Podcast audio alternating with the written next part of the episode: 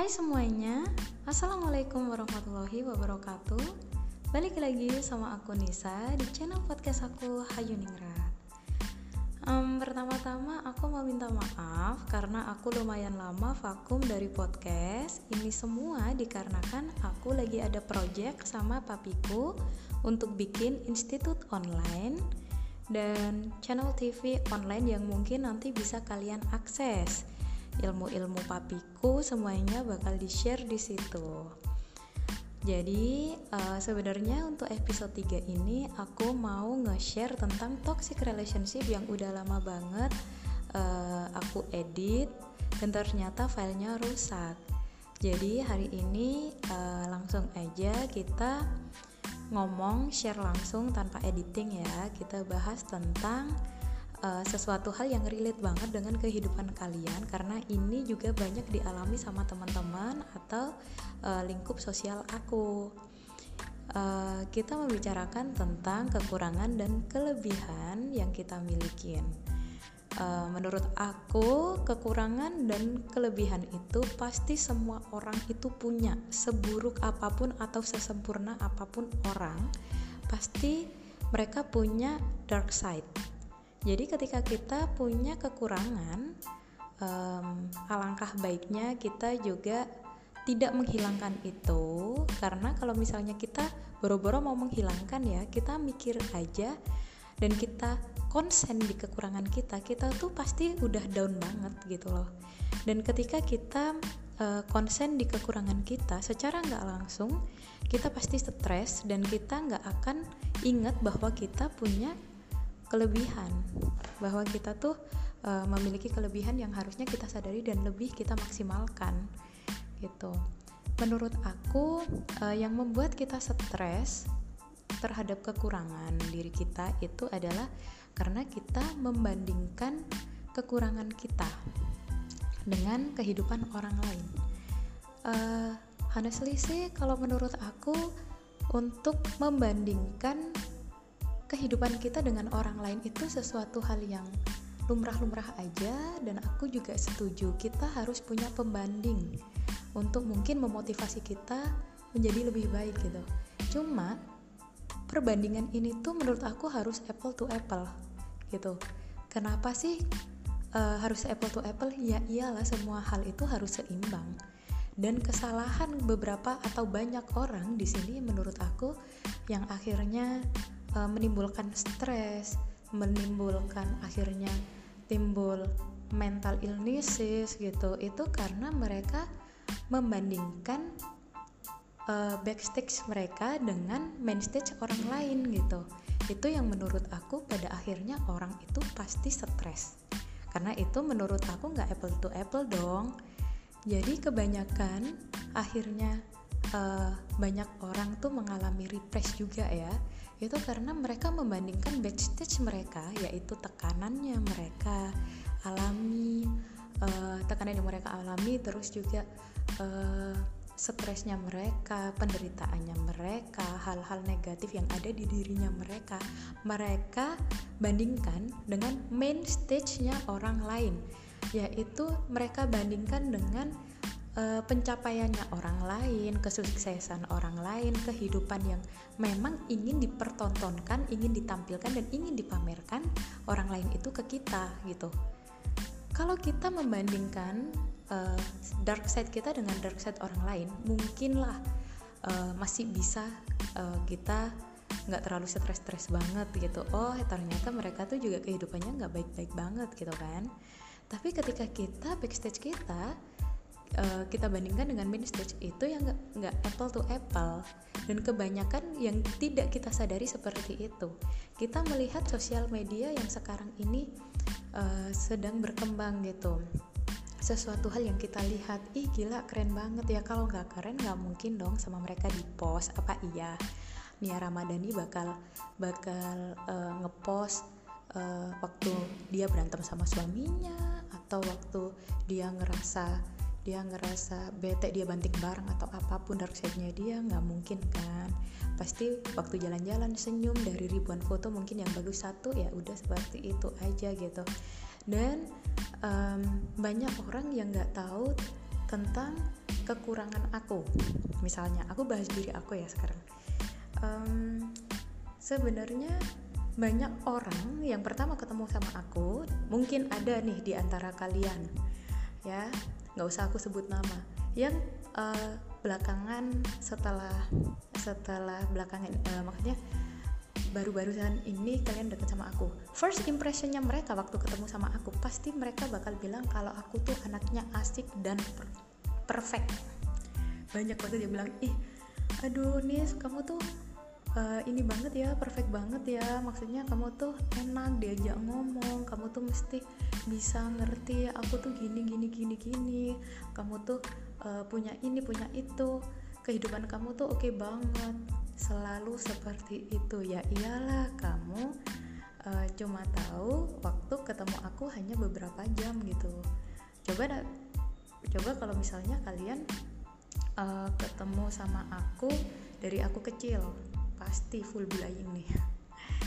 Jadi uh, dari 100% uh, lingkup sosial aku yang ngerti kekurangan aku itu mungkin sekitar nggak sampai 10% yaitu keluarga keluarga aku dan mungkin temen deket ya bisa dibilang sahabat yang bisa dihitung pakai jari lah berapa gitu. Jadi kalau kalian yang bilang kalau aku wow sempurna kamu lucu kamu kayak nggak pernah punya masalah ini aku ceritain aja ya.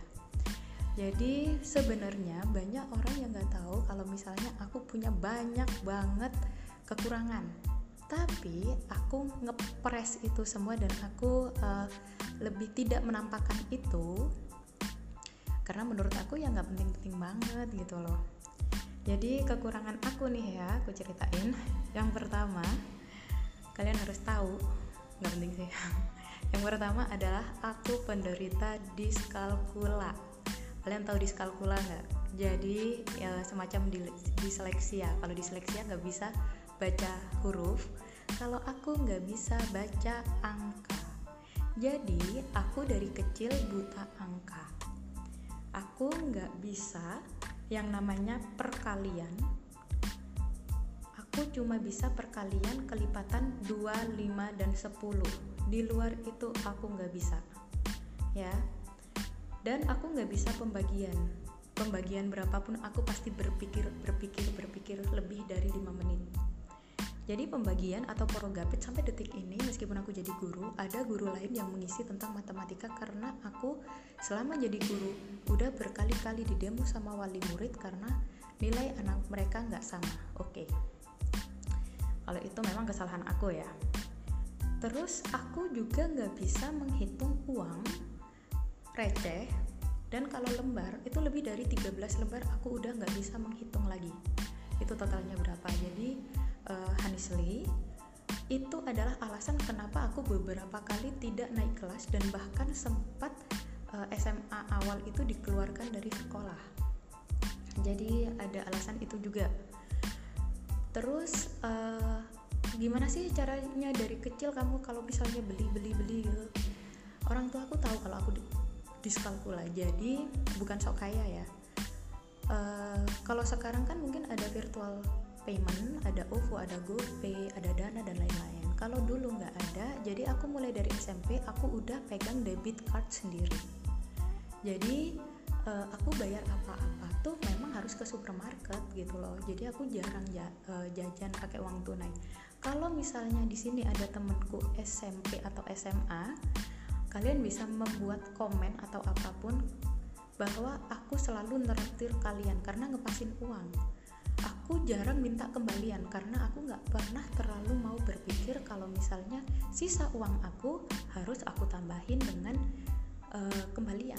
Jadi aku sering banget sampai detik ini sih itu ngepasin uang dengan mungkin aku ngebungkus atau aku ngajak temanku yang lain aku aku traktir traktir ya borosnya sih sebenarnya dari itu karena aku nggak bisa ngitung uang.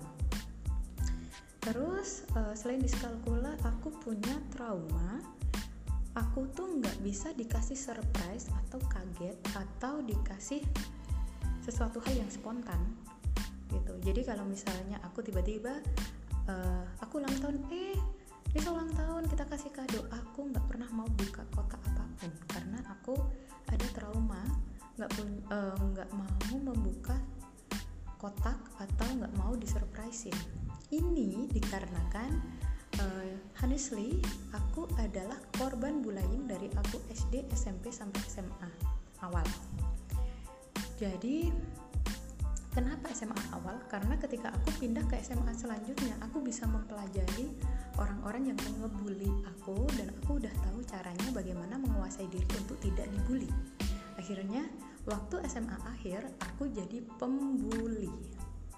Um, gitu deh.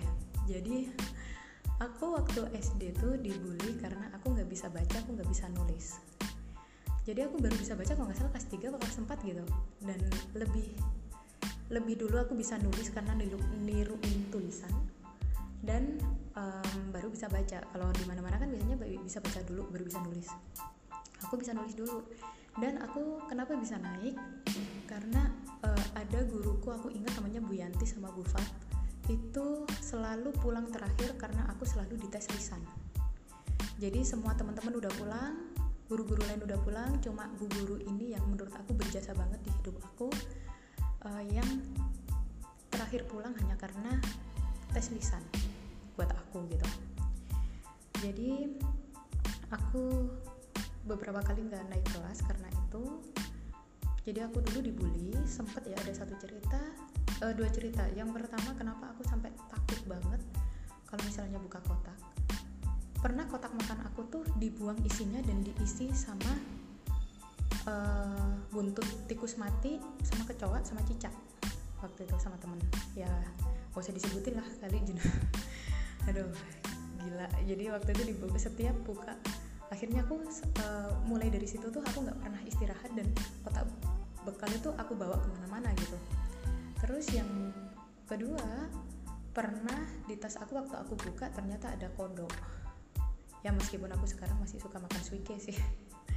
Cuma dengan hal-hal yang spontan seperti itu akhirnya hal-hal yang dilakukan secara nggak langsung itu adalah bullying yang dulunya aku alami ternyata sekarang uh, di psikis aku ngena banget gitu. Itu sih kekurangan aku yang sebenarnya sampai sekarang aku ngerasanya insecure banget gitu. Setiap ketemu orang setiap ketemu sama teman-teman atau mendekati hari ulang tahun atau apa pun itu aku selalu bilang kalau aku nggak suka kejutan. Jadi nggak usah ngasih aku kado nggak apa-apa kasih selamat aja makasih gitu. Dan kekurangan kecil banyak banget deh aku. Jadi kayak misalnya aku makan gitu ya. Aku kalau nggak pakai sendok aku bisa makan. Karena dari dulu uh, dibiasakan karena papiku juga uh, orang tua aku juga nggak bisa makan pakai sendok. Jadi itu uh, kebiasaan aja mungkin ya. Terus aku juga nggak bisa makan kalau nggak makanan itu berkuah. Jadi kadar airnya harus tinggi. Aku nggak ngerti sih kenapa dari kecil gitu sih soalnya. Kalaupun misalnya aku makan lalapan atau sesuatu hal yang nggak berkuah gitu ya itu harus minumannya dua kali lipat dari minuman biasa gitu. Kalau gitu mungkin kesedap terus um, aku nggak bisa ngegunting dengan lurus dan lain-lain. Banyak banget lah kekurangan-kekurangan kecil yang mungkin di diri kamu juga pasti ada gitu. Nah di sini uh, kalau misalnya kita bicara kekurangan aku nggak ngerti sih ilmu psikologi harus yang kayak gimana.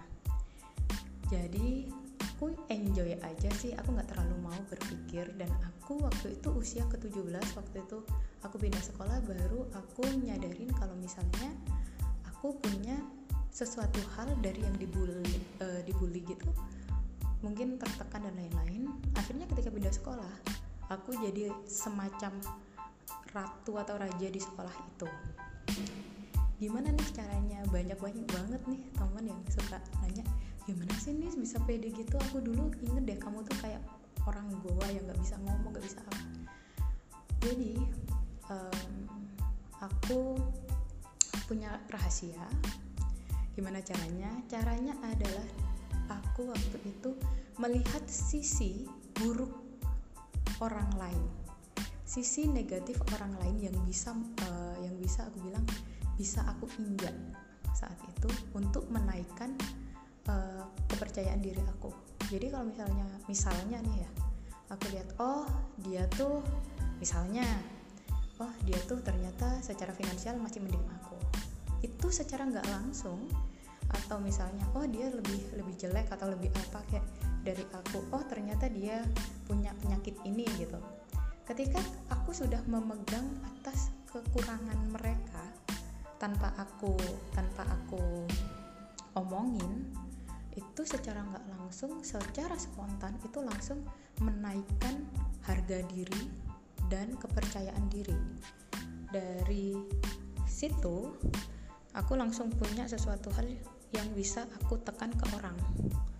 Jadi mungkin itu karena aku dari dulu dibulain ya dan aku diem aja atau apa akhirnya seperti itu. Dan dan sebenarnya juga sampai akhir-akhir ini juga aku selalu lihat sisi buruknya orang untuk gimana caranya biar aku bisa pede. Tapi bukan berarti kalau misalnya ada sisi buruknya mereka aku ngomongin eh kamu tuh kan ini.